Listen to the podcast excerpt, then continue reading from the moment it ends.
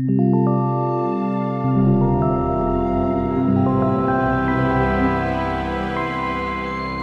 och välkomna till Akademiska smådåd. Det här är en podcast för dig som generellt är i kris. Mitt namn är Simon Skau och jag befinner mig i Göteborg. Och jag heter Kristoffer Sundberg och sitter eh, i ett hus på en kulle någonstans längs med Göta älv. Jag heter William Hedley Thomson och krisar i Göteborg. Och mitt namn heter Pontus Mrensegraj. Jag trodde vi hade kommit fram till att vi skulle släppa det här med var vi satt någonstans. Jag, jag, jag släppte det och sen så sa ni varför har vi släppt det?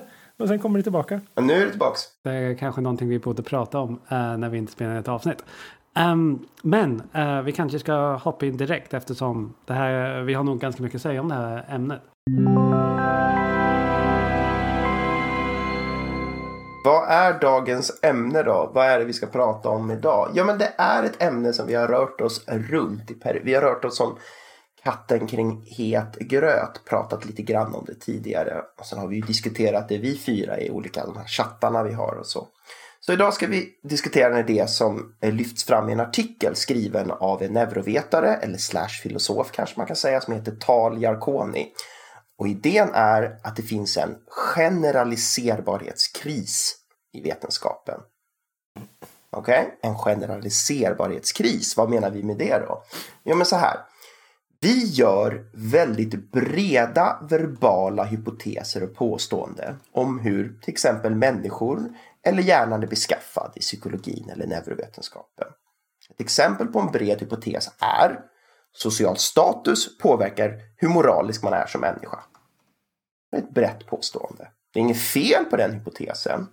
Men, här kommer kruxet. Sen går vi och gör experiment och statistiska test som är mycket, mycket smalare i sin natur. Vi använder ett väldigt specifikt och smalt paradigm, ett specifikt sätt av stimuli, ett specifikt sätt av försökspersoner. Vi vill sedan dra väldigt breda slutsatser, utvärdera våra stora breda hypoteser från dessa smala så kallade operationaliseringar vi gjorde i experimentet. Och Taliarkoni argumenterar att de här statistiska testen och hur vi gör experimenten i stort sett är helt meningslösa för att testa de breda, verbala, övergripande hypoteserna. Våran test och våran experiment täcker inte upp bredden på hypotesen. De når inte fram.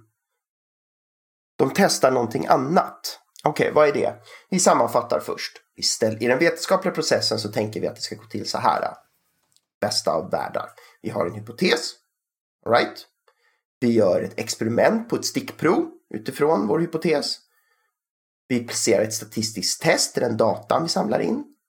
Och med det här statistiska testet så kan vi kanske bekräfta hypotesen i en större grupp population. För det är det vi vill göra. Vi vill generalisera våra resultat från det lilla experimentet till någonting mycket större och uttala oss om hypotesen i en population.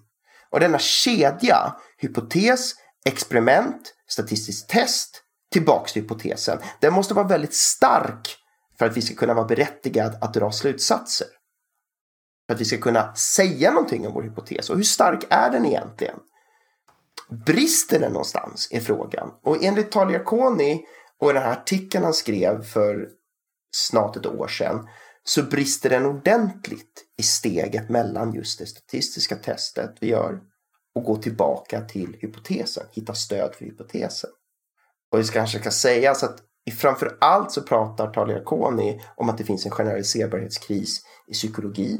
Men så mycket annan av den problematiken i psykologin så kan man säkert argumentera för att den kan återfinnas i andra delar av till exempel vetenskapen som till exempel biomedicin.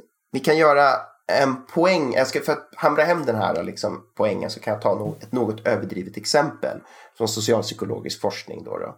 Så vi, vi kör på så får vi se hur det här går. Men bara för att exemplifiera vad jag försöker mena om att det brister här i, i, den vetenskapliga processen, i den vetenskapliga kedjan. Vi gör så här, vi ställer upp hypotesen att social status påverkar hur moraliskt människor beter sig. Vi skapar ett experiment där vi försöker inducera en upplevd statusskillnad mellan försökspersoner.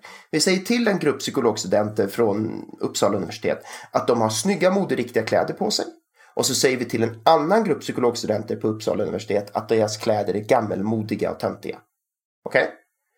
Sen kommer vi på ett sätt att mäta moraliskt beteende. Vi, vi ser eh, hur många kakor de tar från ett gemensamt kakfat i väntrummet. Sen räknar vi ut om det finns en signifikant skillnad i antalet tagna kartor, kakor mellan dessa två grupper. Fick höra att de har snygga kläder och de som fick höra att de har töntiga kläder. Och om gruppen som fick höra att de hade snygga kläder tar signifikant fler kakor så säger vi nu att detta är stöd för vår hypotes att människor som upplever sig ha högre social status beter sig mer omoraliskt. Hmm, men vänta nu, det vi faktiskt testade hur många kakor en liten grupp första års psykologstudenter på Uppsala universitet tar efter att ha fått höra en positiv eller negativ kommentar om sina kläder av försöksledaren Pontus under vintertid. Detta, detta ligger rätt så långt bort från vår verbala hypotes som är social status påverkar moraliskt beteende hos alla människor. Och märk också väl att det här utfallet vi fick av det statistiska testet, att vi ser en signifikant gruppskillnad, ett lågt p-värde som vi brukar säga i vetenskapen, det skulle kunna bero på en himla massa ting som inte har någonting med social status, effekt på moral att göra. Det finns många andra förklaringar här. Det finns många andra hypoteser här som kan förklara den observerade datan. Är detta ett problem i psykologin då? Är detta ett problem i neurovetenskapen? Ja, det skulle jag påstå, för även om jag tar i från tårna här i det här exemplet så kan man nog säga att många eller till och med flertalet psykologiska teorier, hypoteser och experiment faktiskt utvärderas på ett unikt sätt. Vi har en bred verbal hypotes och vi har ett väldigt smalt specifikt experiment och statistiskt sätt som ska mappas tillbaka för att stödja hypotesen för en hel population. Och nu vill jag höra vad ni tycker. Är detta ett problem eller vad säger ni? Jag har en, en sak som jag kanske tycker det kanske är bra att klargöra först. För det verkar som det inte bara är ett problem som du tar upp nu Pontus. Utan det, det var flera olika saker. Det var som, som handlar om att generalisera. Det var först det här med hur en, en hypotes och eh, en, hur en verbal hypotes uh, operationaliseras i ett experiment. Men sen verkar det även vara en mer praktisk grej angående själva statistiken. Så, så är det här flera problem eller är det bara ett problem? Alltså kan, kan, kan jag tycker det kanske är bäst om vi, om vi klargör det först. Ja, jag, jag, vet inte om jag, jag vet inte om jag håller med. Jag tror att problem, alltså, problemet är att vi har en lite, vi har en väldigt specifik setup av vårt experiment. Vi har ett paradigm som är specifikt. Vi har en, en grupp människor som är specifika. Och så smackar vi på ett statistiskt test. Vad vi vill göra med det statistiska testet? Ja, det är ju där för att säga, för att kunna dra slutsatser bortom vårt stickprov. Vi vill säga någonting bortom stickprovet. För att om vi bara vore intresserade av hur det ser ut, de här, hur, de, hur det ser ut hos de här personerna i stickprovet, då behöver vi inte använda statistik. Då kan vi bara använda deskriptiv data. Fyra fler kakor var tagna i ena gruppen eller den andra gruppen. Ja, men då vet vi ju. Det är ju slut där liksom. Då har vi hela, liksom mappat hela stickprovet. Det statistiska testet säger vi för att vi vill dra en slutsats i en population. Vi vill generalisera bort från vårt stickprov. Och det är här som är frågan, ja, vad är populationen? Jag tyckte dock att jag såg två problem där i William, när William sa två problem, eh, men jag kanske bara missförstod. Jag tror jag tappade lika fort, men det ena var liksom själva att operationaliseringen var dålig. Och sen mer det här att eh, hur, vad får vi lov att generalisera eh, till i det här? Alltså, de är ju väldigt, ligger väldigt nära varandra för operationaliseringen spelar in där också, men det ena är liksom ett rent det är liksom ett statistiskt problem och det andra är liksom ett problem oavsett statistiken så är det liksom ett problem med operationaliseringen mm. i sig själv. Var det det du menade William? Eller var det... Det var precis så ja, jag menade. Okay. Alltså... Jag behövde bara säga det med egna ord för att liksom fatta. Mm. Jag tror att det blev lite klarare för mig. Men då ska jag nog säga att visst, till viss del är det två skilda problem. Jag tror att i det här fallet så arbetar de så tätt ihop. Så som vi gör vetenskap i psykologin i, i, och kanske också inom vissa neurofält. Så blir de så ihopkopplade de här två. För det är så ovanligt att vi har en operationalisering, en smal experiment och inte smacka på ett statistiskt inferentiellt test. Det går säkert att göra det. Men visst, man skulle säkert kunna skilja på dem och säga men det ena och det andra. Men det andra, det här med statistiska testet, det följer ju liksom naturligt operationaliseringen. så det kommer ju på. Så visst, det kommer ju avspegla det är inte det som är problemet. Vi ska inte sitta här och kritisera p-värden eller base factors eller konfidensintervall eller andra så knöliga statistiska termer. För det är inte där kärnan av problemet är, liksom, det statistiska testet i sig. Utan det är, har experimentet och det statistiska test vi smackar på, kan det täcka upp för den verbala hypotes, det påstående vi vill göra om något allmänmänskligt beteende i psykologin till exempel. Vi har en till fråga då som jag tror handlar om både, eller kanske är det med den, statist, den statistiska delen, är hur annorlunda är det här från induktionsproblemen som vi har redan pratat om? Ja, det, det tycker jag också är en bra fråga. För jag tänkte också på det när jag lyssnade på det här. Så här. Alltså på ett sätt känns det här fult det jag kommer säga nu, men en del av mig vill säga, men det här är egentligen bara Hume igen. Så här, induktion är asvårt. Fast sagt på ett mycket mer detaljerat sätt. Men är det inte det vi hamnar i eh, ändå? Att... Jo, men alltså, fast jag vet inte. Jag, nu, in, alltså är det inte, är inte hela kritiken, är inte hela konceptet med generaliserbarhetskrisen att det är vi är tillbaka i induktionsproblemet, men inte bara det, det är ännu värre än så. För det som görs i psykologin är riktigt dålig induktion. Det går ju att göra mer eller bättre eller sämre induktion, antar jag. Jag, jag, jag var ju inte med på induktionsavsnittet och jag har fortfarande inte lyssnat på det. Uh, det ska jag erkänna. Men, eh, men jag tror att problematiseringen här är att en induktion som kanske som görs är ganska dålig. Eller liksom, mm det, det kommer ännu flera hål i, i, liksom, i den vetenskapliga processen här. Det bara läcker som ett såll alltihopa nu. Okej, okay, men vi, vi stannar här. Det kan vara så att vi fortfarande har någon lyssnare som bara tänker så här. Vad farao pratar de om? Förstår alla här vad problemet är? Jag tycker... Man kanske kan kontrastera det till varför, varför finns det andra fält där det inte är ett problem till exempel?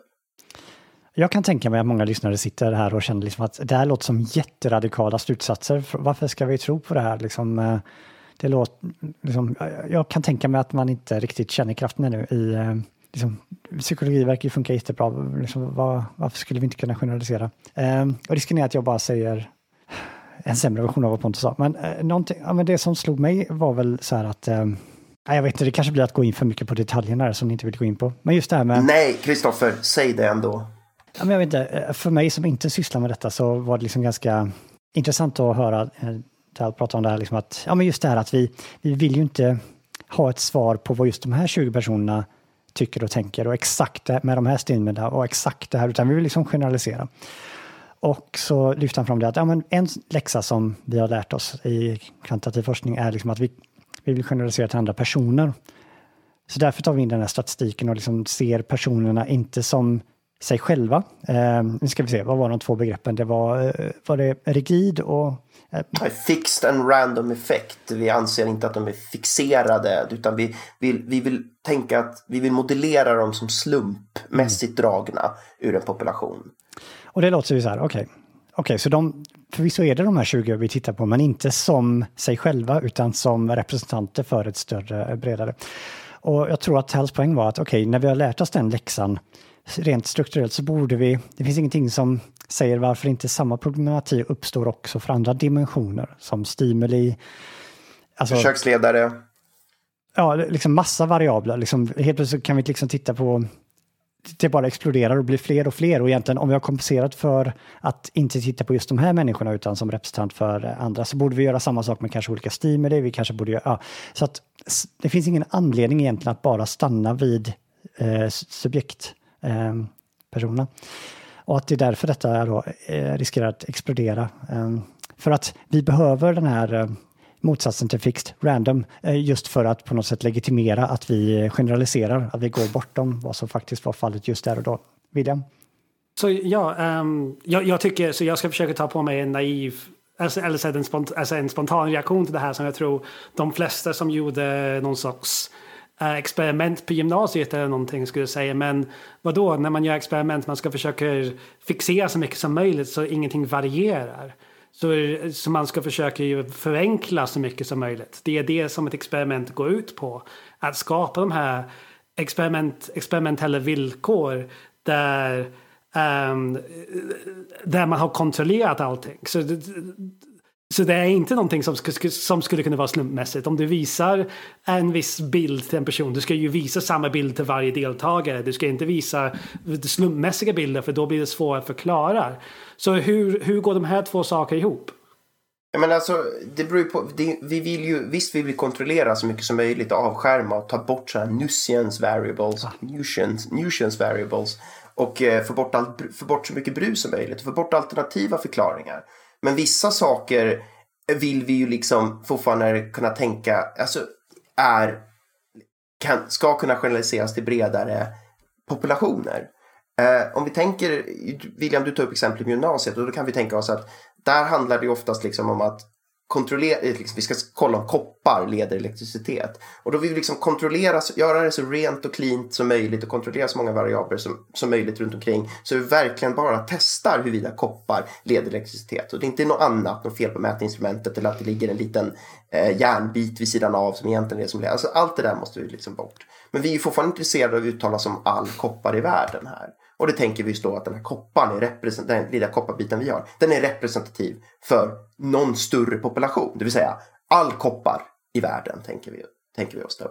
Och i psykologin vill vi gärna göra samma sak men i psykologiska experiment så är det så mycket mer komplicerat än att bara kolla om, om koppar leder elektricitet. För det handlar oftast om att vi vill testa en mycket, mycket bredare verbal hypotes. Som till exempel att social status eh, påverkar hur moraliskt man beter sig.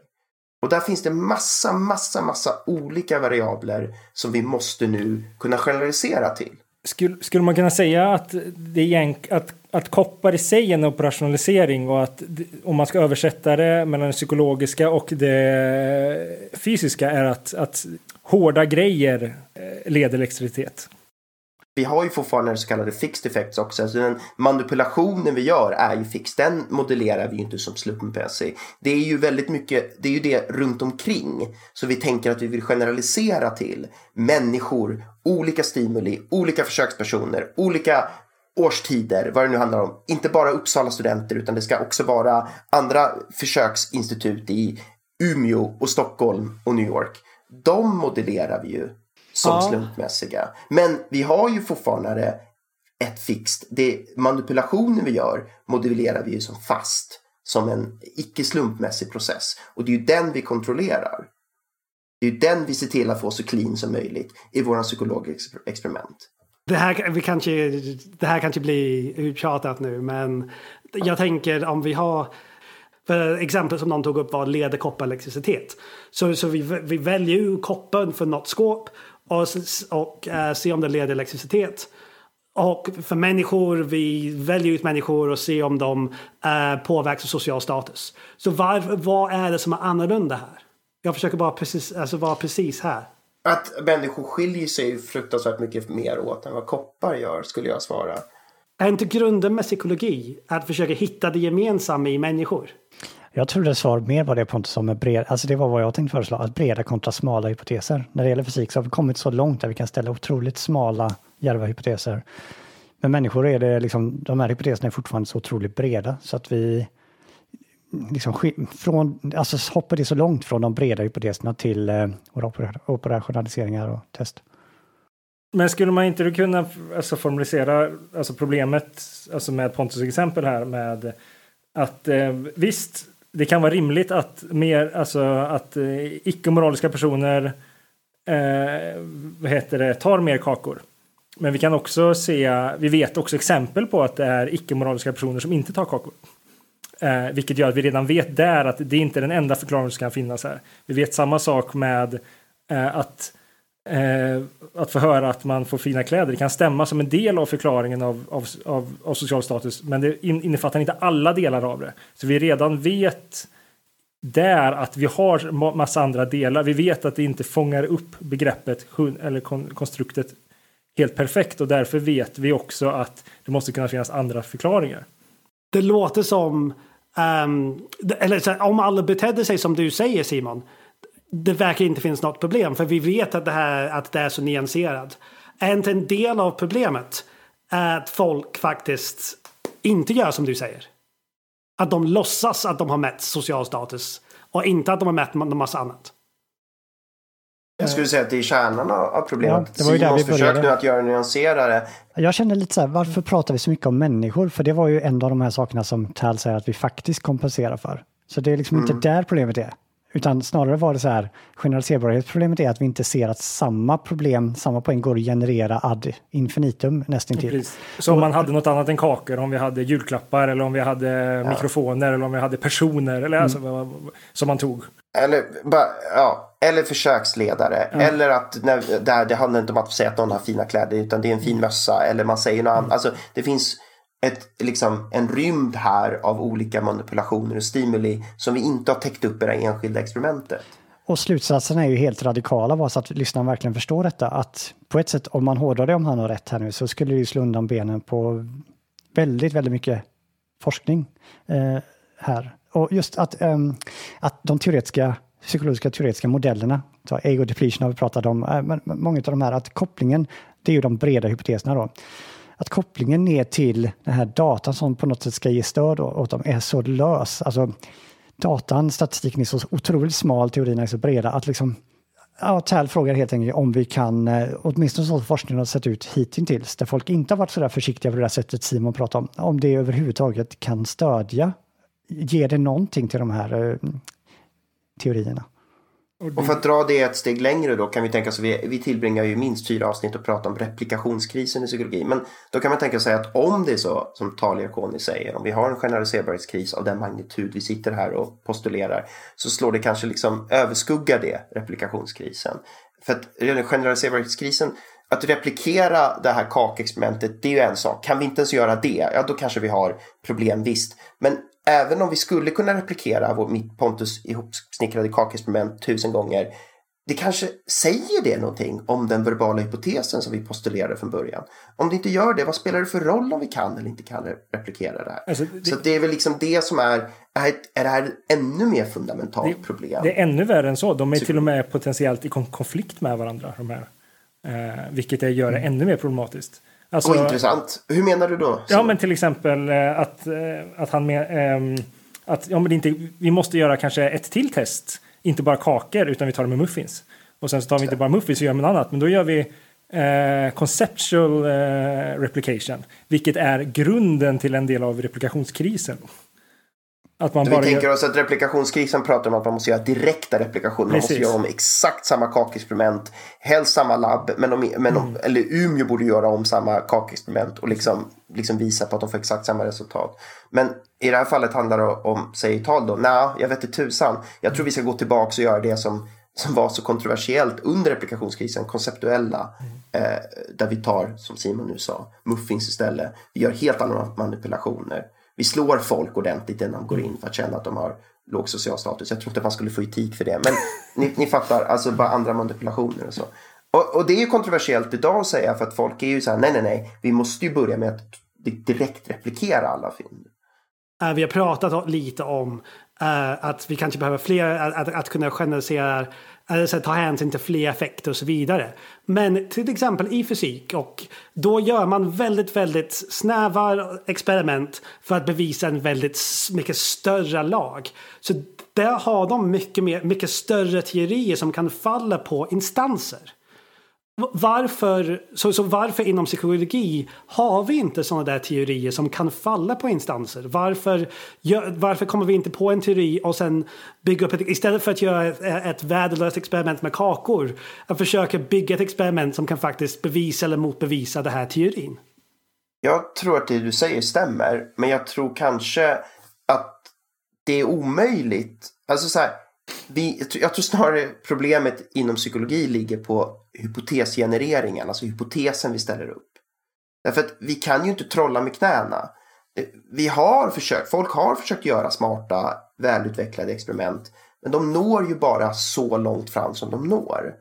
Och kan vi inte nå fram för att ha täckning för vår verbala hypotes kanske handlar det om att vi måste tona ner våra verbala hypoteser, våra påståenden, det vi vill säga och göra dem mer ödmjuka eller enklare och inte lika övergripande och konceptuella som vi har haft dem hittills inom till exempel socialpsykologi. Så jag William, svar på din fråga är jag tror att det är flera problem som agerar på olika nivåer. Men jag tror att grunden till problemet är kanske så som vi har ställt upp otestbara hypoteser. Eller otestbara hypoteser Orf. där vi inte kan göra järva prediktioner så de faller på en eller ett fåtal instanser. De är oftast ofalsifierbara. Det är väl det som är problemet i slutändan. För du kan alltid lägga in en... In, inom, inom psykologi och socialpsykologi så är det alltid en möjlighet att säga varför vi inte får det här om man får ett negativt resultat. Varför, kan, varför falsifierar inte den här teorin? Jo, för det kan finnas massa andra anledningar för att vi fick de här resultaten. Och det har snarare med, som Tal tar upp, att det har med själva ämnesområdet i sig att göra. att göra snarare än det vet. Alltså så här, det här kanske är ett område, psykologi eller socialpsykologi. Det kanske inte klarar av den vetenskapliga metoden. Och det är ju en radikal slutsats för väldigt många aktiva i fältet. Men det behöver inte betyda att den är mindre viktig att tänka på. Ja, det är någonting jag har tänkt på lite när jag läste äh, Talls äh, svar till den andra, vad han nu heter, Lakens. Det har varit lite diskussion här mellan olika eh, psykologer, vetenskapsfilosofer kring, kring hans artiklar. Ja, och det var ju någonting, det var länge sedan jag lyssnade på vårt andra avsnitt om vad som är vetenskap, men eh, jag tror att vi tog upp detta där, att man kan liksom, det är lite beroende på vilken syn man har på vetenskap. Man kan ju börja med att liksom tänka så här att vi försöker ha en definition vad vetenskap är. Och sen så ser vi vad som trillar ut där. Och då kanske det visar sig att psykologi inte är, når upp till de här kraven. Vi kanske har de här, låt säga Popper, vad det nu var, hypotetiskt deduktiv, så här, hit och dit. Djärva hypoteser. Okej, okay, psykologin verkar inte kunna leva upp till detta enligt vad Jarkoni här nu säger. Ja, ett, en möjlighet är att man liksom då säger att ja, det visar sig att psykologin är inte vetenskap i den här hårda betydelsen. Men ett annat, annat sätt är som det verkar som att en del har är att vi har liksom någon sorts intuitiv känsla att eh, fysik är vetenskap, psykologi är vetenskap och om vi då har en definition av vad vetenskap är där som inte matchar, där psykologi plötsligt inte kan leva upp, då är det snarare så här att vi får kasta bort vetenskapsfilosofin. Alltså de här kriterierna som Popper ställer upp till exempel, det, det verkar helt orimliga för att psykologin kan ju inte leva upp till detta. Och jag tror att man kan liksom argumentera åt bägge hållen. Det finns inte ett svar som är helt självklart här, men eh, jag tror att eh, Jakonia här verkar ju snarare dra åt det här lite mer hårda att eh, ja, det här finns vissa kriterier som verkar rimliga och lever inte psykologiforskningen upp till det så kanske det helt enkelt inte... Ja. Alltså, Fast, jag vet inte om man säger att psykologi inte får räknas som vetenskap. Jag tror bara han säger att det verkar dumt att försöka tvinga in vissa grenar av psykologin i en viss form av vetenskapsfilosofi, vetenskapsmetod, där den uppenbarligen inte hör hemma. Det betyder inte att det inte går att göra bra vetenskap och, och tänka kring psykologi som en vetenskap. Men just kring det här hypodeduktiva eller induktiva, det här järva, det här fysik så som vi ser det. Där kanske inte det platsar. Och det är inte så jättekontro alltså det är inte jättekontroversiellt. Det har ju snackats om det har ju liksom varit på tapeten sedan 50-talet att det är på det viset liksom, i psykologin. Alltså, och säkert... alltså det radikala är ju att hans, en lösning för att lösa det här är ju att sluta prata om ångest, sluta prata om lycka, sluta prata om människor generellt. Du får hålla på med socialpsykologi men då säger du att när vi säger till folk att de har fina kläder så äter de mer kakor. Att det är den slutsatsen du bara kan göra liksom.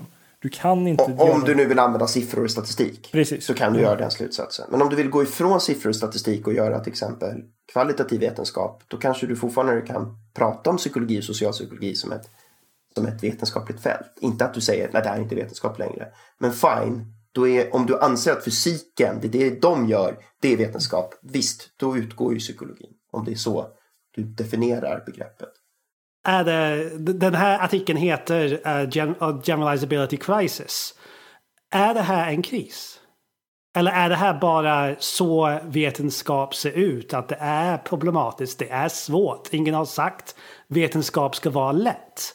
Så varför är det här en kris? Eller är det bara så att folk tycker om att säga att allting är en kris? Jag det gör folk, tror, tror jag. Ja, jag, tror, jag, jag, tror personligen att han lika gärna skulle kunna döpt det till generalizability gate. Alltså som att folk gillar att lägga gate efter saker som ska liksom vara kontroversiella. Så tror jag nog att ordet kris är lite tongue in här. Att anspela på replikationskrisen. Och jag tror vad Tal försöker säga här är att ni pratar om att det finns en replikationskris och han håller med om den och han tycker att den är allvarlig. Men han, jag tror han försöker säga här, men det finns en annan kris kris. Liksom. Det finns en annat problem, en annan process som, som överskuggar det som är vetenskap? Eller vad, alltså... Ja, typ. Ja, jag skulle säga det. Ja, men, alltså, han påstår ju aldrig att han hittat på någonting nytt. Han säger så här, det jag säger är självklarheter. Det har all... Jag har inte kommit på något av det här. Det är ju ändå viktigt som en fotnot att han är helt öppen med det. Så sitter det någon lyssnare här och som har lyssnat på Lakatos och vetenskapsfilosof gubbar som Neil och bara, men vem är den här Taliakoni som påstår att han har hittat på någonting? Nej, han, han säger inte att han hittat på så mycket nytt. Han har ompaketerat det här och kanske gjort det lite mer lättillgängligt för Eh, forskare inom neurovetenskap och, eh, och, och, psykologi, skulle jag påstå. Och på ett sätt är det väl en kris kanske då, kan man tänka. Jag, jag läser ju bara jargongen här nu då, men när han gör de här referenserna till mil, tror han hette, och det är liksom, vad är det, 70 år gamla saker en del, eller 60, jag vet inte riktigt, men 60. väldigt gammalt. Ja, det är mer än 60 i alla fall. Ja. som lyfter väldigt, liksom, mer eller mindre precis samma sak. Och om man då blir berörd av de här eh, tankarna och tycker att ah, men det verkar ligga något i det och sen ser att ingen verkar ha lyssnat, så på ett sätt kan man väl i en annan betydelse av ordet kris, att det här har liksom en kris, att vi har ett problem som har legat här, men som tycks inte nå hela vägen fram, som inte kuggar i eller någonting. Det, jag vet inte, ordet kris är kanske inte helt orimligt då att prata om. Men Alltså- ordet kris är använt lite väl mycket. Det finns en viss sorts människa som älskar det ordet och lägger in överallt. eh, Jag har märkt, desto mer rutinerade forskare man stöter på, desto mindre läser de av artiklar. Till exempel, de läser oftast bara resultatdelen av en artikel. För att de vill inte höra, vad, vill inte höra något annat. Eh, så att problemet ligger snarare när man kommer och, eh, och tal tar upp det. när man- Du ska inte säga sådana här saker i diskussionen, du ska inte ha dina titlar på det här viset. Och det är snarare när det är de delarna, diskussionen och titlar och abstractet på, på, forsk, eh, på forskningsrapporterna som vi har som kommer ut till allmänheten och det är där ett problem skapas snarare. Men hos forskare tror jag att det är relativt förankrat att vi ska vara nyanserade kring de här, när vi tolkar den här saken. Alltså, vi spelar det här spelet, men, men när man, ja, man läser oftast inte diskussionen, inte introduktionen heller. Eh, Man läser bara resultatet för att man inte vill ha alla de här stegen. Man vill Vi inte att det göra... finns inget problem egentligen här, utan det är liksom först när det kommer till nästa. Jo, problemet kommer till att... Ja, men precis. Okej, det är ju... Men säger du Simon, nu vet, ah, förlåt. nej, nej, säger du William. Men säger du nu Simon att um, egentligen vi, alla vet om det här problemet men vi låtsas att det inte finns ett problem? Japp. Ja, jag vet inte om jag... Nej, jag håller inte med om det faktiskt. För att jag tror att det finns väldigt många teorier, teoribyggen, väldigt många forskningskarriärer som har plöjts ner för att folk anser sig ha hittat stöd för väldigt breda verbala hypoteser inom neuroforskning och inom psykologi. Och skulle alla sitta inne på den nyansen, Simon, som, som du tänker att de kanske gör, då tror jag inte man skulle våga investera så jävla mycket liv och pengar och etik i några av de grejerna vi har investerat i. Jag blir faktiskt väldigt förvånad av Simons påstående. För det känns som att hur kan ens teorier som ego depletion och allt vad det nu heter, jag kan inte alla termer, men hur kan det ens... Mitt intryck är att folk har liksom lyft fram det som, som, som att datan stödjer det här. Vad är... Alltså... okej. Okej. Uh, jag kanske, kanske inte ska vara så eh, uh, djärv och säga att majorit... Ja, men jag skulle nog säga att majoriteten av, av disputerade kan de här problemen och känner till de här problemen. Uh, för att det är, för, för, alltså, för det är ju lite som, man, alltså så här, det är ju efter första grundkursen i metodik i statistik som du, du hör talas om de här grejerna. Sen så sveps man, alltså när jag läser saker och ting i andra fält så sveps jag oftast gärna med. Men när jag läser saker i mitt fält då hamnar jag också själv oftare i att bara läsa metod och resultatdelen. Det finns väldigt, väldigt många som tycker statistikkursen är det absolut värsta de upplever. Och de vill bara få godkänt och de tar inte in så mycket information eller inspiration eller förstår hur viktigt det är. Och jag tror det finns en hel del sådana idag som egentligen ser statistik som en svart låda som ska säga ja eller nej. Så jag, jag håller nog inte med dig. Alltså jag tror det, det, kanske med vissa saker med just det här med vara noggrann med hypotesformuleringen. Men med det här andra problemet med att använda statistik rätt. Jag Okej. tror det är många disputerade idag som inte Och jag köper den. är som du. Nej, men jag, jag för, måste ju bara för att sätta en liten så här pinnål i det William sa. Alltså jag tror faktiskt att du har lite, alltså ett, jag hoppas Simon att folk inte fattar det här äh, och säger, för det, alternativet är ju att de säger så här, ja vi vet exakt vad som pågår men vi spelar spelet. Äh, det, alltså förlåt, men om det är så, då blir jag arg och upprörd på riktigt. Det är ju fara och omoraliskt, alltså det skulle, jag höll på att säga någonting jag kanske inte ska säga, men det, skulle, det provocerar mig. Människor som vet att de gör fel, gör felaktiga claims och bygger teorier som de vet inte har någon förankring i verkligheten eller data, men gör det medvetet. Jag hoppas inte att det är så. För jag tycker, jag, vet, jag tycker inte de personerna har någonting i vetenskap att göra Alltså- alls. Alltså. alltså det kan ju vara Utan, jag, mer men jag medicin kan verkligen förstå det. Ut. Förlåt Simon? Det kan vara för att det är mer medicin jag har, alltså jag har mer jag- alltså, erfarenhet jag- inom medicin än psykologi och där tycker jag det väldigt ofta Eh, alltså, när man diskuterat artiklar tillsammans med folk eller, eller när man frågar läsarna, jag läste bara den här delen.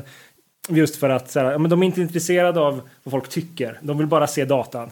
De vill bara... Och, och de vill se hur operationaliserar det och så vet de alltid, ja men de kontrollerade inte för x, y, z. Vi kan alltid lägga in x, y, z. Så att det är inte hela förklaringen.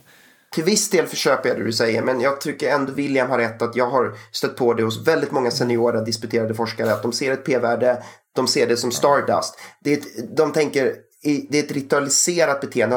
Okej, okay, men p-värdet, alltså det blir som en retorisk knep där man bara, men p-värdet var ju där och det var lågt och mm. därför kan jag tro på det. Det är sant det här, det måste finnas någonting sånt. Det måste finnas någon slags data, någon substansiering här. Ja, eh, och det har jag sett hos väldigt många seniora forskare. Även om man kan ibland också, jag har sett väldigt skeptiskt beteende naturligtvis. Det är ändå vetenskapspersoner. De är skeptiker. Eh, skeptiska många av dem. Men många har inte superbra koll på de statistiska modellerna och statistiska testen. Och det blir en svart låda. Och de bara tänker så här. Jag, jag, får väl bara tro på det här då. Jag får väl tro att det här mappar hypotesen. Liksom. Att, det här, att det här täcker upp. Eh, och det är ju ett problem. Men okej, okay, det finns väl en nyans här du försöker få in som jag nej, köper Simon. Ja, nej, men jag, jag, jag, tror mitt snarare handlade snarare nog mer om, jag, jag, jag tycker att ni är helt rätt med, med, med statistikdelen där. Eh, oftast gör man ju så, man skickar iväg statistiken till en statistiker och så får det lösa sig. Liksom. Eh, utan att det handlar snarare om operationaliseringen och att det finns så många variabler som kan förklara det hela. Liksom. Eh, jag skulle, bara för ett stickspår, jag skulle säga att det är ganska ovanligt faktiskt att man skickar iväg statistiken till en biostatistiker. Generellt skickar man ner det till en masterstudent eller en PhD-student och så tänker man den personen får ta fram någonting och det gör den personen. Är det rätt? Förmodligen inte, det är helt galet. Och sen kommer det p-värdet, den statistiken, det resultatet kommer upp igen i hierarkin och sen så beter man sig ofta som att det är bara nu har vi, nu, nu, nu har vi, nu har vi listat ut vad det är, liksom. nu har vi sanningen, nu har vi resultatet här. Och det ju, skulle jag påstå är högst problematiskt. Och tappar väl in i hela det här problemet vi har pratat om. Men nu pratar vi om strukturer, hierarkier och, och i, i, i akademin också. Det ja. är... Jag har några stickspår som visar på hur, hur, fel jag har tänkt genom tiderna. Men jag känner att vi, om ni vill fortsätta, om ni har ett momentum här.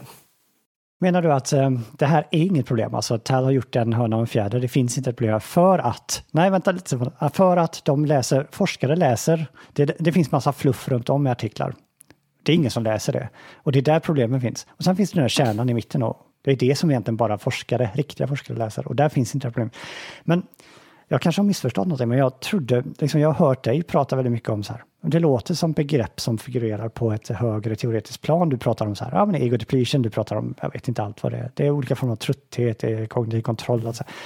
De där orden, jag har fått intrycket att forskningen du läser, att de försöker visa stöd för de här orden kognitiv och allt sådär. Jag menar, har du inte problemet där så fort du vill mena att din statistiska, din empiri ska stödja de här orden, vilka de här är, är inte problemet där redan? Eller menar du på något sätt att man kommer undan det?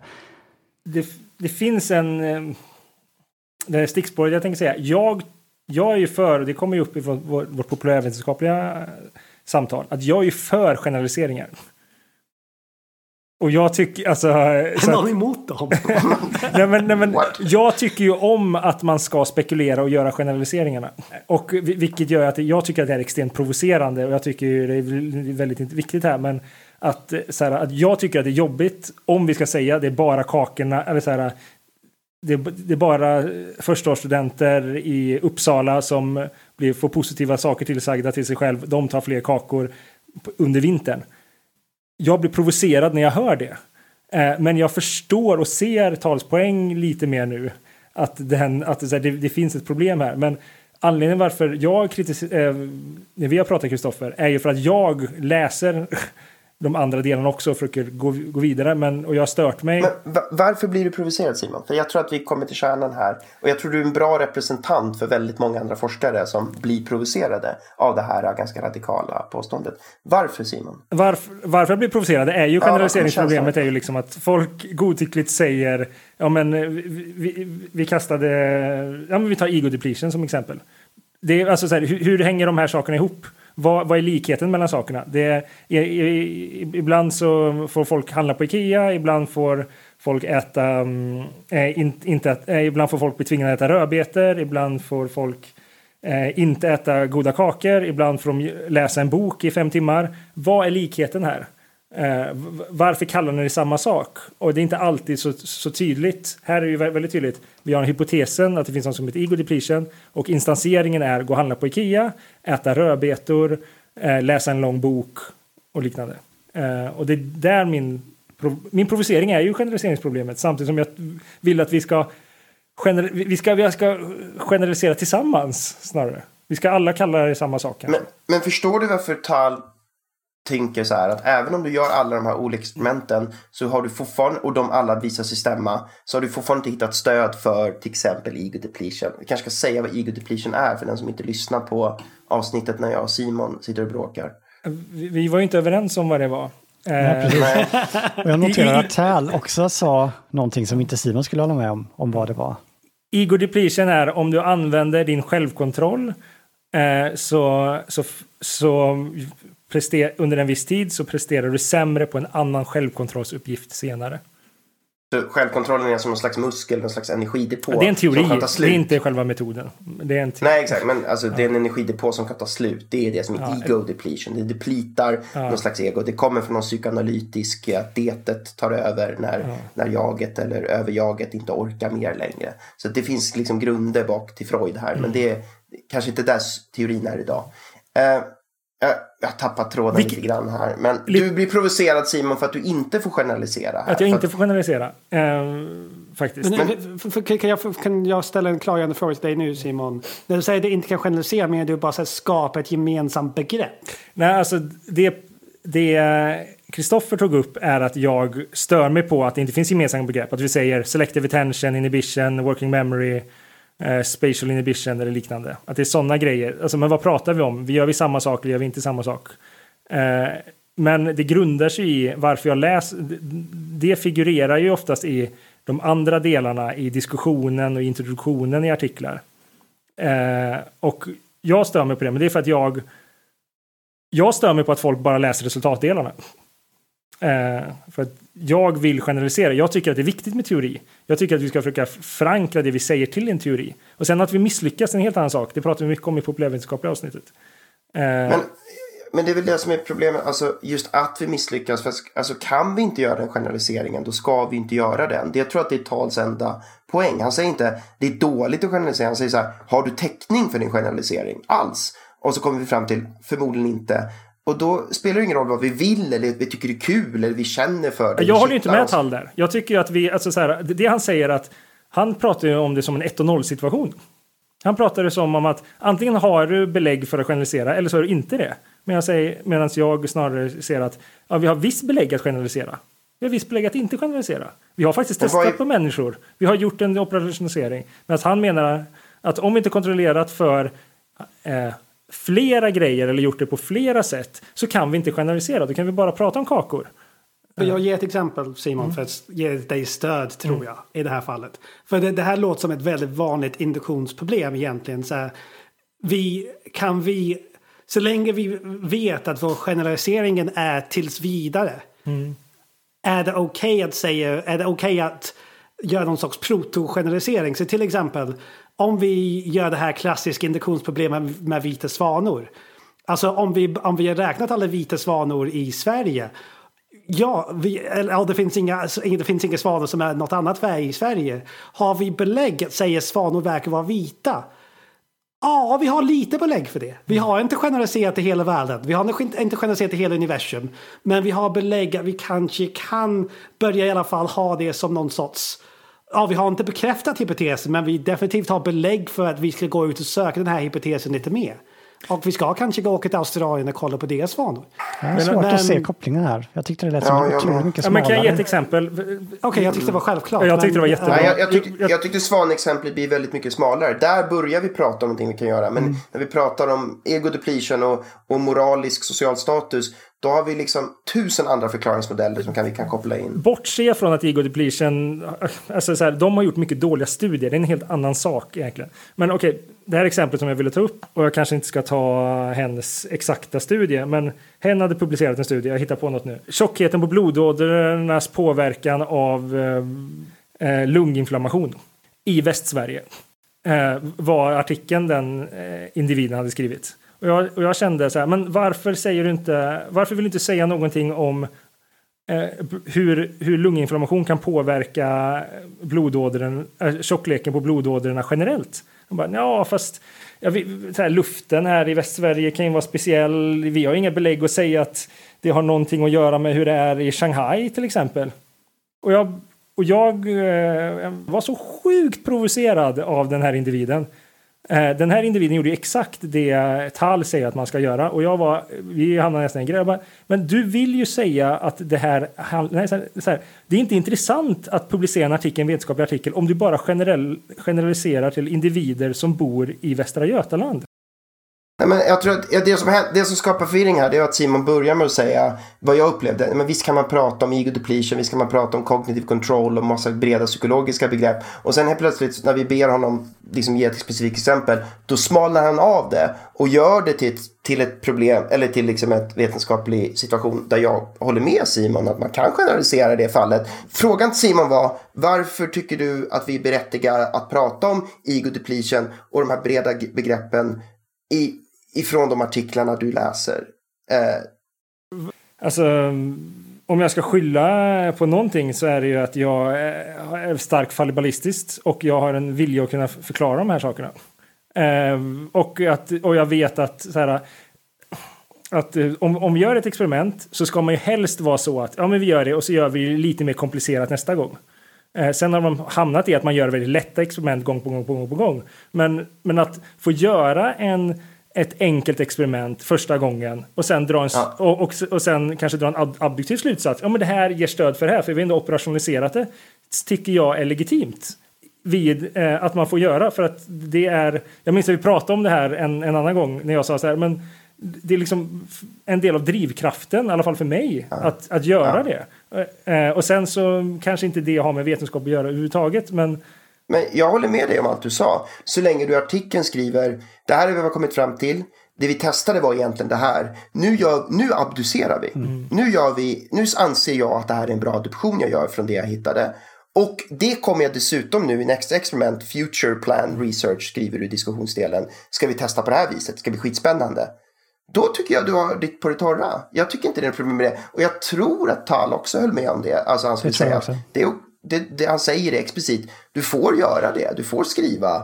Bara du är ärlig med vad din data mappar mot. Sen spekulera vilt och börja prata abduktion och så, det får du göra. Men måste vara ärlig med att det här p-värdet, det här statistiska testet, inte var direkt stöd och nu är vi klara. Nu kan vi sluta. Nu ska vi gå till nästa teori, nästa forskningsfält. Det är väl där jag tyckte Tell var lite mindre häftig. alltså rent personligt. Alltså, han delar in det i det här. Först har vi det kvantitativa, ordning och reda, här måste vi vara så och så. Och sen får du såklart göra det här kvalitativa som man kallar det. Jag tycker att han, han säger ju så här väldigt så här att nej, men det kan vara jättebra. Men på ett sätt så tycker jag han säger det, men samtidigt är liksom tycker jag det skiner igenom att han egentligen tycker det är rätt eh, crappigt. Och eh, på ett sätt så tycker jag det, han slänger ihop väldigt mycket, han pratar om vild spekulation många gånger. Som att det är likställt med kval kvalitativ forskning. Å andra sidan säger han vid ett annat tillfälle rigorös kvalitativ forskning. Så jag tycker han växlar lite däremellan. Jag tycker det som Simon sa nu var mycket, mycket bättre än det Tell säger. Jag tror han skulle gå med på det. Han borde gå med på det. Jag tror, jag tror inte att han skulle... För mig lät det som att han inte skulle gå jag med på det. Jag tror att han gör det. För han, det var min känsla. Jo, jo men alltså, så där, han, alltså okej, okay, vad jag och Tell skulle skilja oss från är att jag skulle mitt första experiment tillåta mig själv att, okej, okay, jag gör med kvalifikationerna så att säga, att det här är en abduktion. Eh, men han skulle mena att du får inte ens göra det. Det där förstår jag inte varför du säger så. Jag tror att så länge du skriver att det är en abduktion, och skriv, men också gärna ödmjuk och säger sen finns det förstås andra saker som skulle kunna förklara det. Jag tycker inte de kommer högt, lika högt upp i abduktionslistan, mm. men de får vara med på den här kandidatlistan av, av abduktiva hypoteser. Jag kan nämna två, tre av dem bara för att Who knows, kanske någon annan tycker de är vettigare. Det är ju, så skulle jag säga, jag skulle respektera den artikeln du skrev Simon så men det, mycket. Men det gör de flesta. De flesta har limitations, de flesta har, alltså alla de här delarna finns ju och ändå är han sur på det. Alltså, eh, ja, att, och där blir det ju en gradskillnad. Så här, vad får en titel säga? Vad får en diskussionsslutsats ja, säga? Liksom, och räcker det med två, par, två eh, meningar limitations? Och sen har nej, du liksom... Nej, jag tror han är jag tror han är mycket, mycket hårdare. Ja, och, och det, det, är också det som, som, som jag tycker är det viktiga. Först, jag älskar när jag använder abduktion så mycket. Jag har inte använt ordet än. Um, uh, men det som jag tycker är det, den stora skillnaden mellan, vad, mellan Simon och Tall just nu är just hur man pratar. Även eh, det verkar som att de, de, de kanske är överens med om ni pressar dem, men tror ni på det här, har vi evidens för det här, har vi belägg att kunna generalisera det här till alla? De kanske är ekvivalenta i vad de säger, vad vi har, vad vi har generaliserat. Men samtidigt kan man prata med, om en abduktion som att det är en tills vidare sanning eller får vi, in, får, vi gå, får vi gå så långt? Och jag tror det är det som kanske är för, för till exempel om vi hittat massa evidens för kognitiv kontroll, den verkar vara, att det verkar finnas och det verkar vara jättespännande och göra massa bra saker. Men vi har faktiskt inte har evidens att kognitiv kontroll finns. Som, som, är, som en instans i hjärnan, det kanske är flera processer. Um, får vi ändå prata som att kognitiv kontroll finns. För jag, för jag går till en populärvetenskaplig konferens eller populärvetenskaplig föreläsning och pratar om kognitiv kontroll när allt jag har just nu är tills vidare abduktiva slutsatser. Och det kanske är där Simon säger absolut.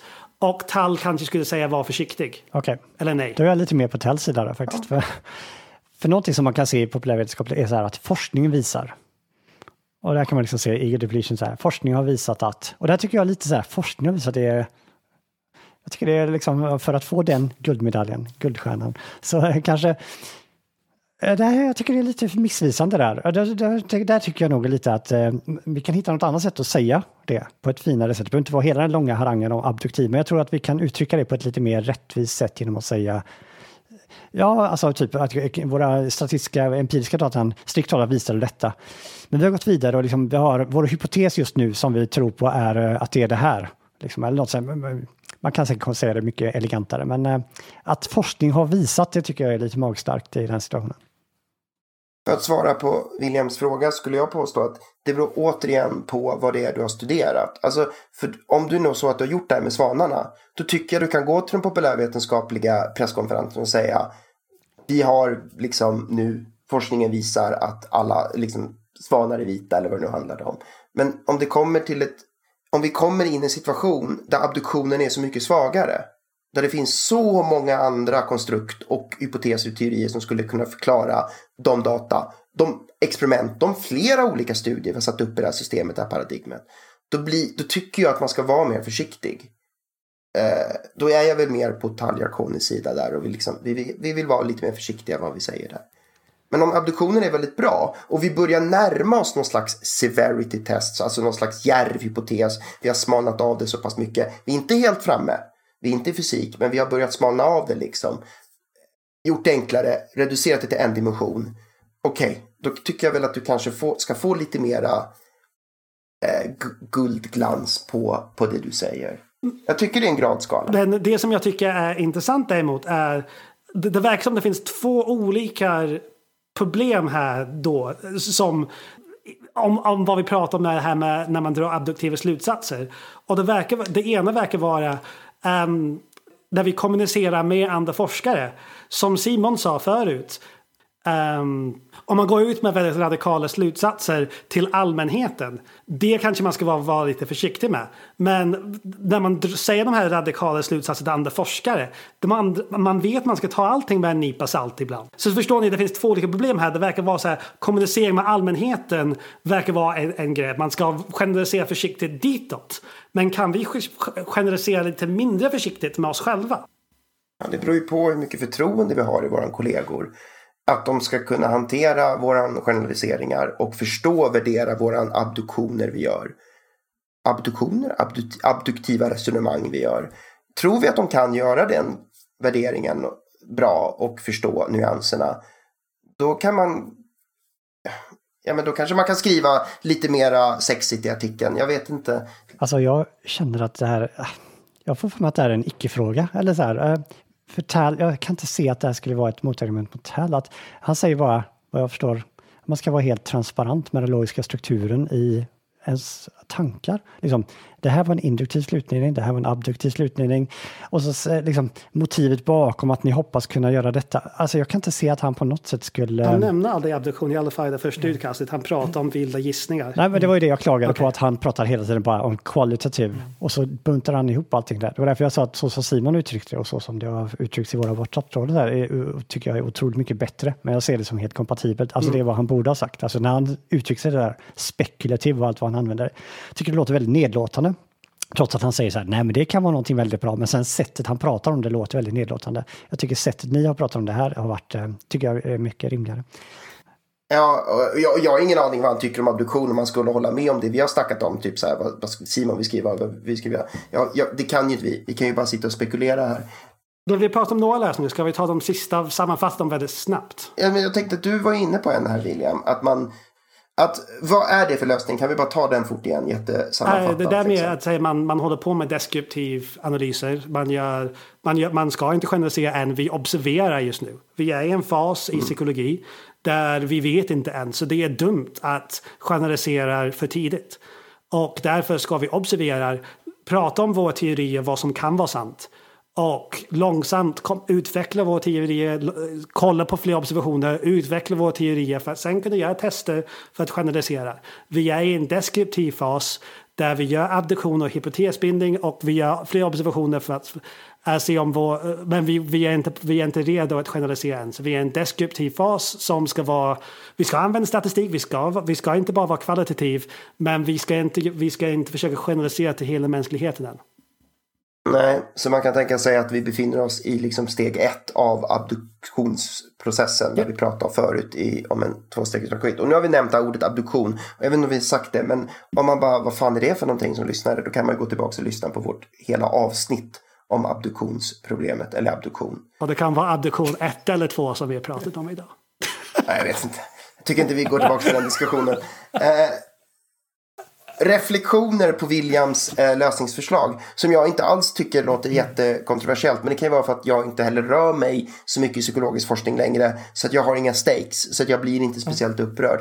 Men Simon, du som pratar om att du gärna vill kunna förklara saker. Skulle du vara okej okay med det William just sa, ta ett steg tillbaka och, och dra ner på generaliseringarna, slutsatserna och de järva Visst, teorierna? Alltså så här, jag håller med om allting William säger förutom det han sa. Och det är liksom... Classic. och det är liksom så här, alltså så här, William pratar jag bara ja, det, alltså, det är så rätt. Och sen vänta, vänta, jag vill ju generalisera. alltså så här, alltså så här, det, det är mm. en, jag håller med, alltså så här, jag, jag vill det fast bara lite längre fram. Men Simon, nu säger du igen så här, du vill generalisera. Ingen har ju någonsin förbjudit dig att göra det, inte ens Tal.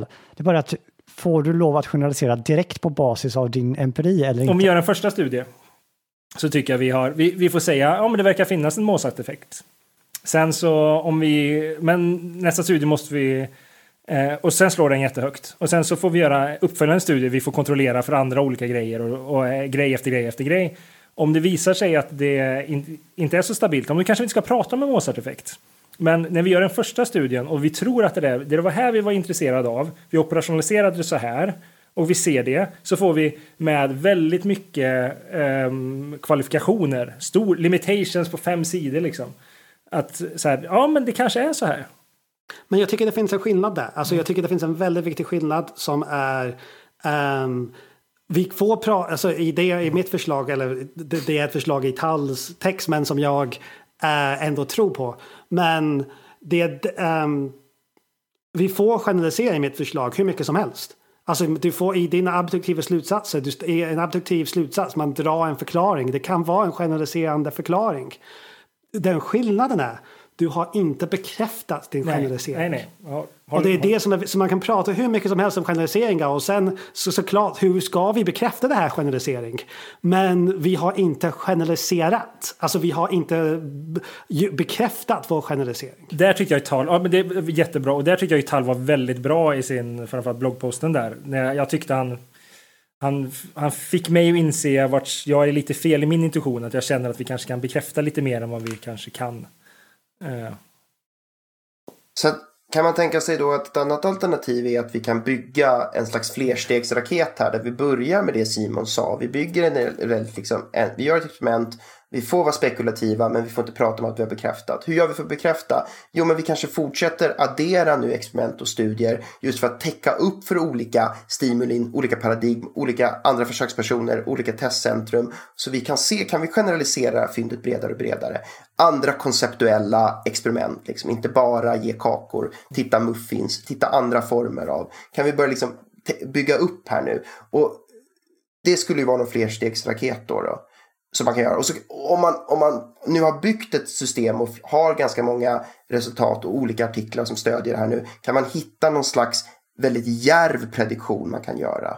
Eller någon slags eh, liksom conditional prediktion. Att om det går upp i det experimentet så ska det gå ner i det experimentet och så ska det korrelera positivt med det. Men då ska det korrelera negativt med det. Och om allt det här faller på plats då kan vi börja prata om corroboration eller falsification. Alltså de här lite mer hårdare vetenskapliga termerna. Men det kräver ett, ett bygge kring den här hypotesen. Ett ganska långt, kanske till och med en forskningskarriär, vad vet jag. Liksom.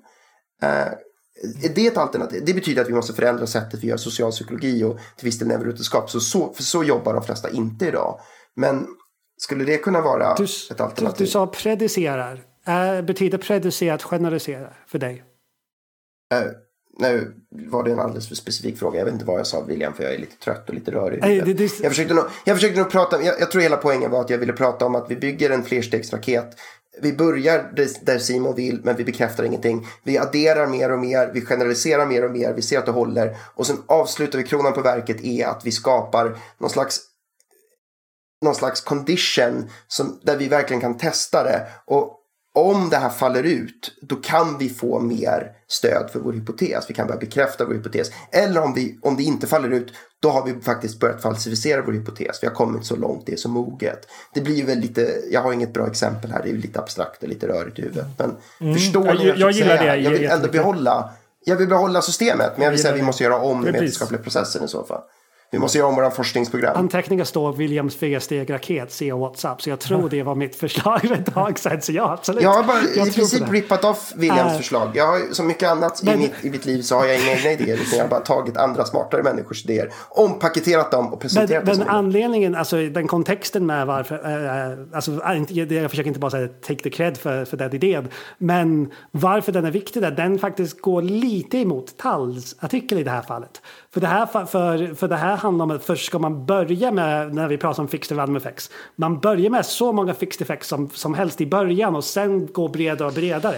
Som han, inte, som han inte rekommenderar någonstans i hans artikel. Det där tyckte jag var lite orättvis eh, av Tal, men jag minns när du skrev detta i maj 2020 eh, i WhatsApp och jag tänkte då att jag kände bara att det var lite så här en touch oschysst mot Tall kände jag lite. För jag får att han säger att... Att jag eller Tall var du, Eller jag var oschysst. Ja, ja såklart jag var oschysst. Ja.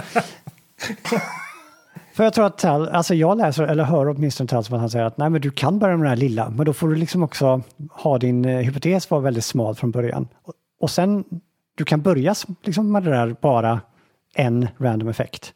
Men du får inte sluta där. Liksom. Det är ett okej okay, ett första steg, men då ska du heller inte säga sen att din breda hypotes har... Alltså, Jo, men det, det, är inte en del i... Alltså, han kanske går med, lös, han kanske går med på det här. Men det var inte ett förslag i hans lösningar. Jag tror han säger så här William. Om du vill kunna bekräfta en hypotes i en och samma artikel. Då måste du göra den här enormt komplexa modellen. Men jag, jag vet inte om han är öppen för flerstegsraketen eller inte. Men jag tror också att vi ska, vi ska inte liksom tillskriva honom för mycket intention utan jag tror han tänker så här om vi vill fortsätta publicera artiklar som vi gör idag och säga att vi nu har bevisat att social status aktivt påverkar moraliskt beteende då har du ett väldigt stort jobb framför dig i din artikel, i den här enskilda artikeln och då borde du göra så här, så här, så här, så här, så här, så här, så här. och det och sen stannar han där och då säger vi ja det, är inte, det kommer inte funka. Vi får börja så här istället. Vi börjar smått och sen får vi bygga det. Så vi har hela den här artikeln men vi tror nu att det är en hel forskningskarriär och inte bara en, en artikel du publicerar på ett år, liksom ett halvår. Mm. Så det är lite olika. Men om han skulle hålla med eller inte, återigen, vi vet ju inte det. Men jag tror, det, jag tror inte att det är någon kontroversiell. Nej, jag tror inte det är kontroversiellt. Men jag var, sur, jag var sur att det inte var ett förslag. Um, då är ja, det, ja, men det var ju ditt förslag William och det var ett mycket bra förslag. Så vi kan väl vara glada över det tänker jag. Även om jag snodde det. Har vi något mer förslag nu innan vi avrundar? Det var, han hade tre förslag, eller hur? Vi pratade om två. Vi har pratat om explorativ, eller deskriptiv, uh, som var, och abduktiv, som är typ samma sak. Vad var de andra två? Det var ett tag sedan, det var maj jag läste här. Uh, mer komplexa modeller, alltså det var flera olika yes. sätt att liksom få göra testerna svårare. Så det, Pontus på ett sätt har redan varit inne i det, att vi gör en konjunktion av massa villkor då, som måste uppfyllas. Han pratar om att vi är mer försiktiga i våra slutledningar. Att, men det är väl på ett sätt egentligen på att ja, mer försiktiga i våra slutledningar. Eh, har vi egentligen också varit inne på. Han pratar om ett radikalt eh, förslag att vi helt skippar det här tanken på kvantitativ psykologi inom många fält. Att vi, det kommer inte lyckas helt enkelt. Och liksom, vi ser till att bli duktiga på att göra det han kallar kvalitativ eh, forskning istället. Eh, jag har även sett förslag, jag vet inte vad ni, vad, vad, jag, nyfiken vad ni tycker om det här, där man ska överge eh, sådana här eh, språkliga hypoteser då. Att man ska, att man ska bara totalt överge dem. Vad tycker ni om det? Uh, jag tycker att det låter problematiskt kanske. Eller då får man vara väldigt öppen med det. Jag menar, om folk vill finansiera. Alltså, jag, då är vi tillbaka till Figdors poäng där. Att, uh, Figdor nämndes i populärvetenskap. Ja, just det, avsnitt två där. Att uh, ofta vill så här, ja, men folk kanske är beredda att finansiera att vi ska finna liksom, lyckans säte eller kärlek eller allt sånt där som folk tycker att oh, det där verkar spännande. Medans blodökning i bla bla bla bla. bla. Eller så här, hade folk tyckt att det där vill jag att mina skattepengar går till. Um, men om man är öppen med det så, ja. Har ni någon fler läsning, Simon eller Pontus? Nej, jag kommer inte på det. Men jag tror att vi har varit inne och snuddat på alla från första början i princip. Simon, vill du avsluta det här med en dunderlösning som, jag vet, eh, som löser jag vet, allt? Min, hela generaliserbarhetsproblemet? Min, min lösning är att, eh, ja, som jag blir påmind varje gång jag läser tal nu och i maj, eh, var ju att ja, jag behöver plugga mer statistik. Hörni, det är ett jätteintressant problem. Det är ganska kontroversiellt. Även om jag tror att vi egentligen i grunden håller med varandra här har vi ändå lyckats ha en hel del heta diskussioner. Eh, så jag tycker det har varit askul och jättespännande. Eh, jag tycker inte vi försöker oss på någon sammanfattning för att det här har vi ändå liksom nu tröskat så mycket i andra avsnitt och det blir koncentrerat i det här avsnittet. Um, istället tänker jag att vi kanske säger yeah, tack. tack och hej. Tack och hej.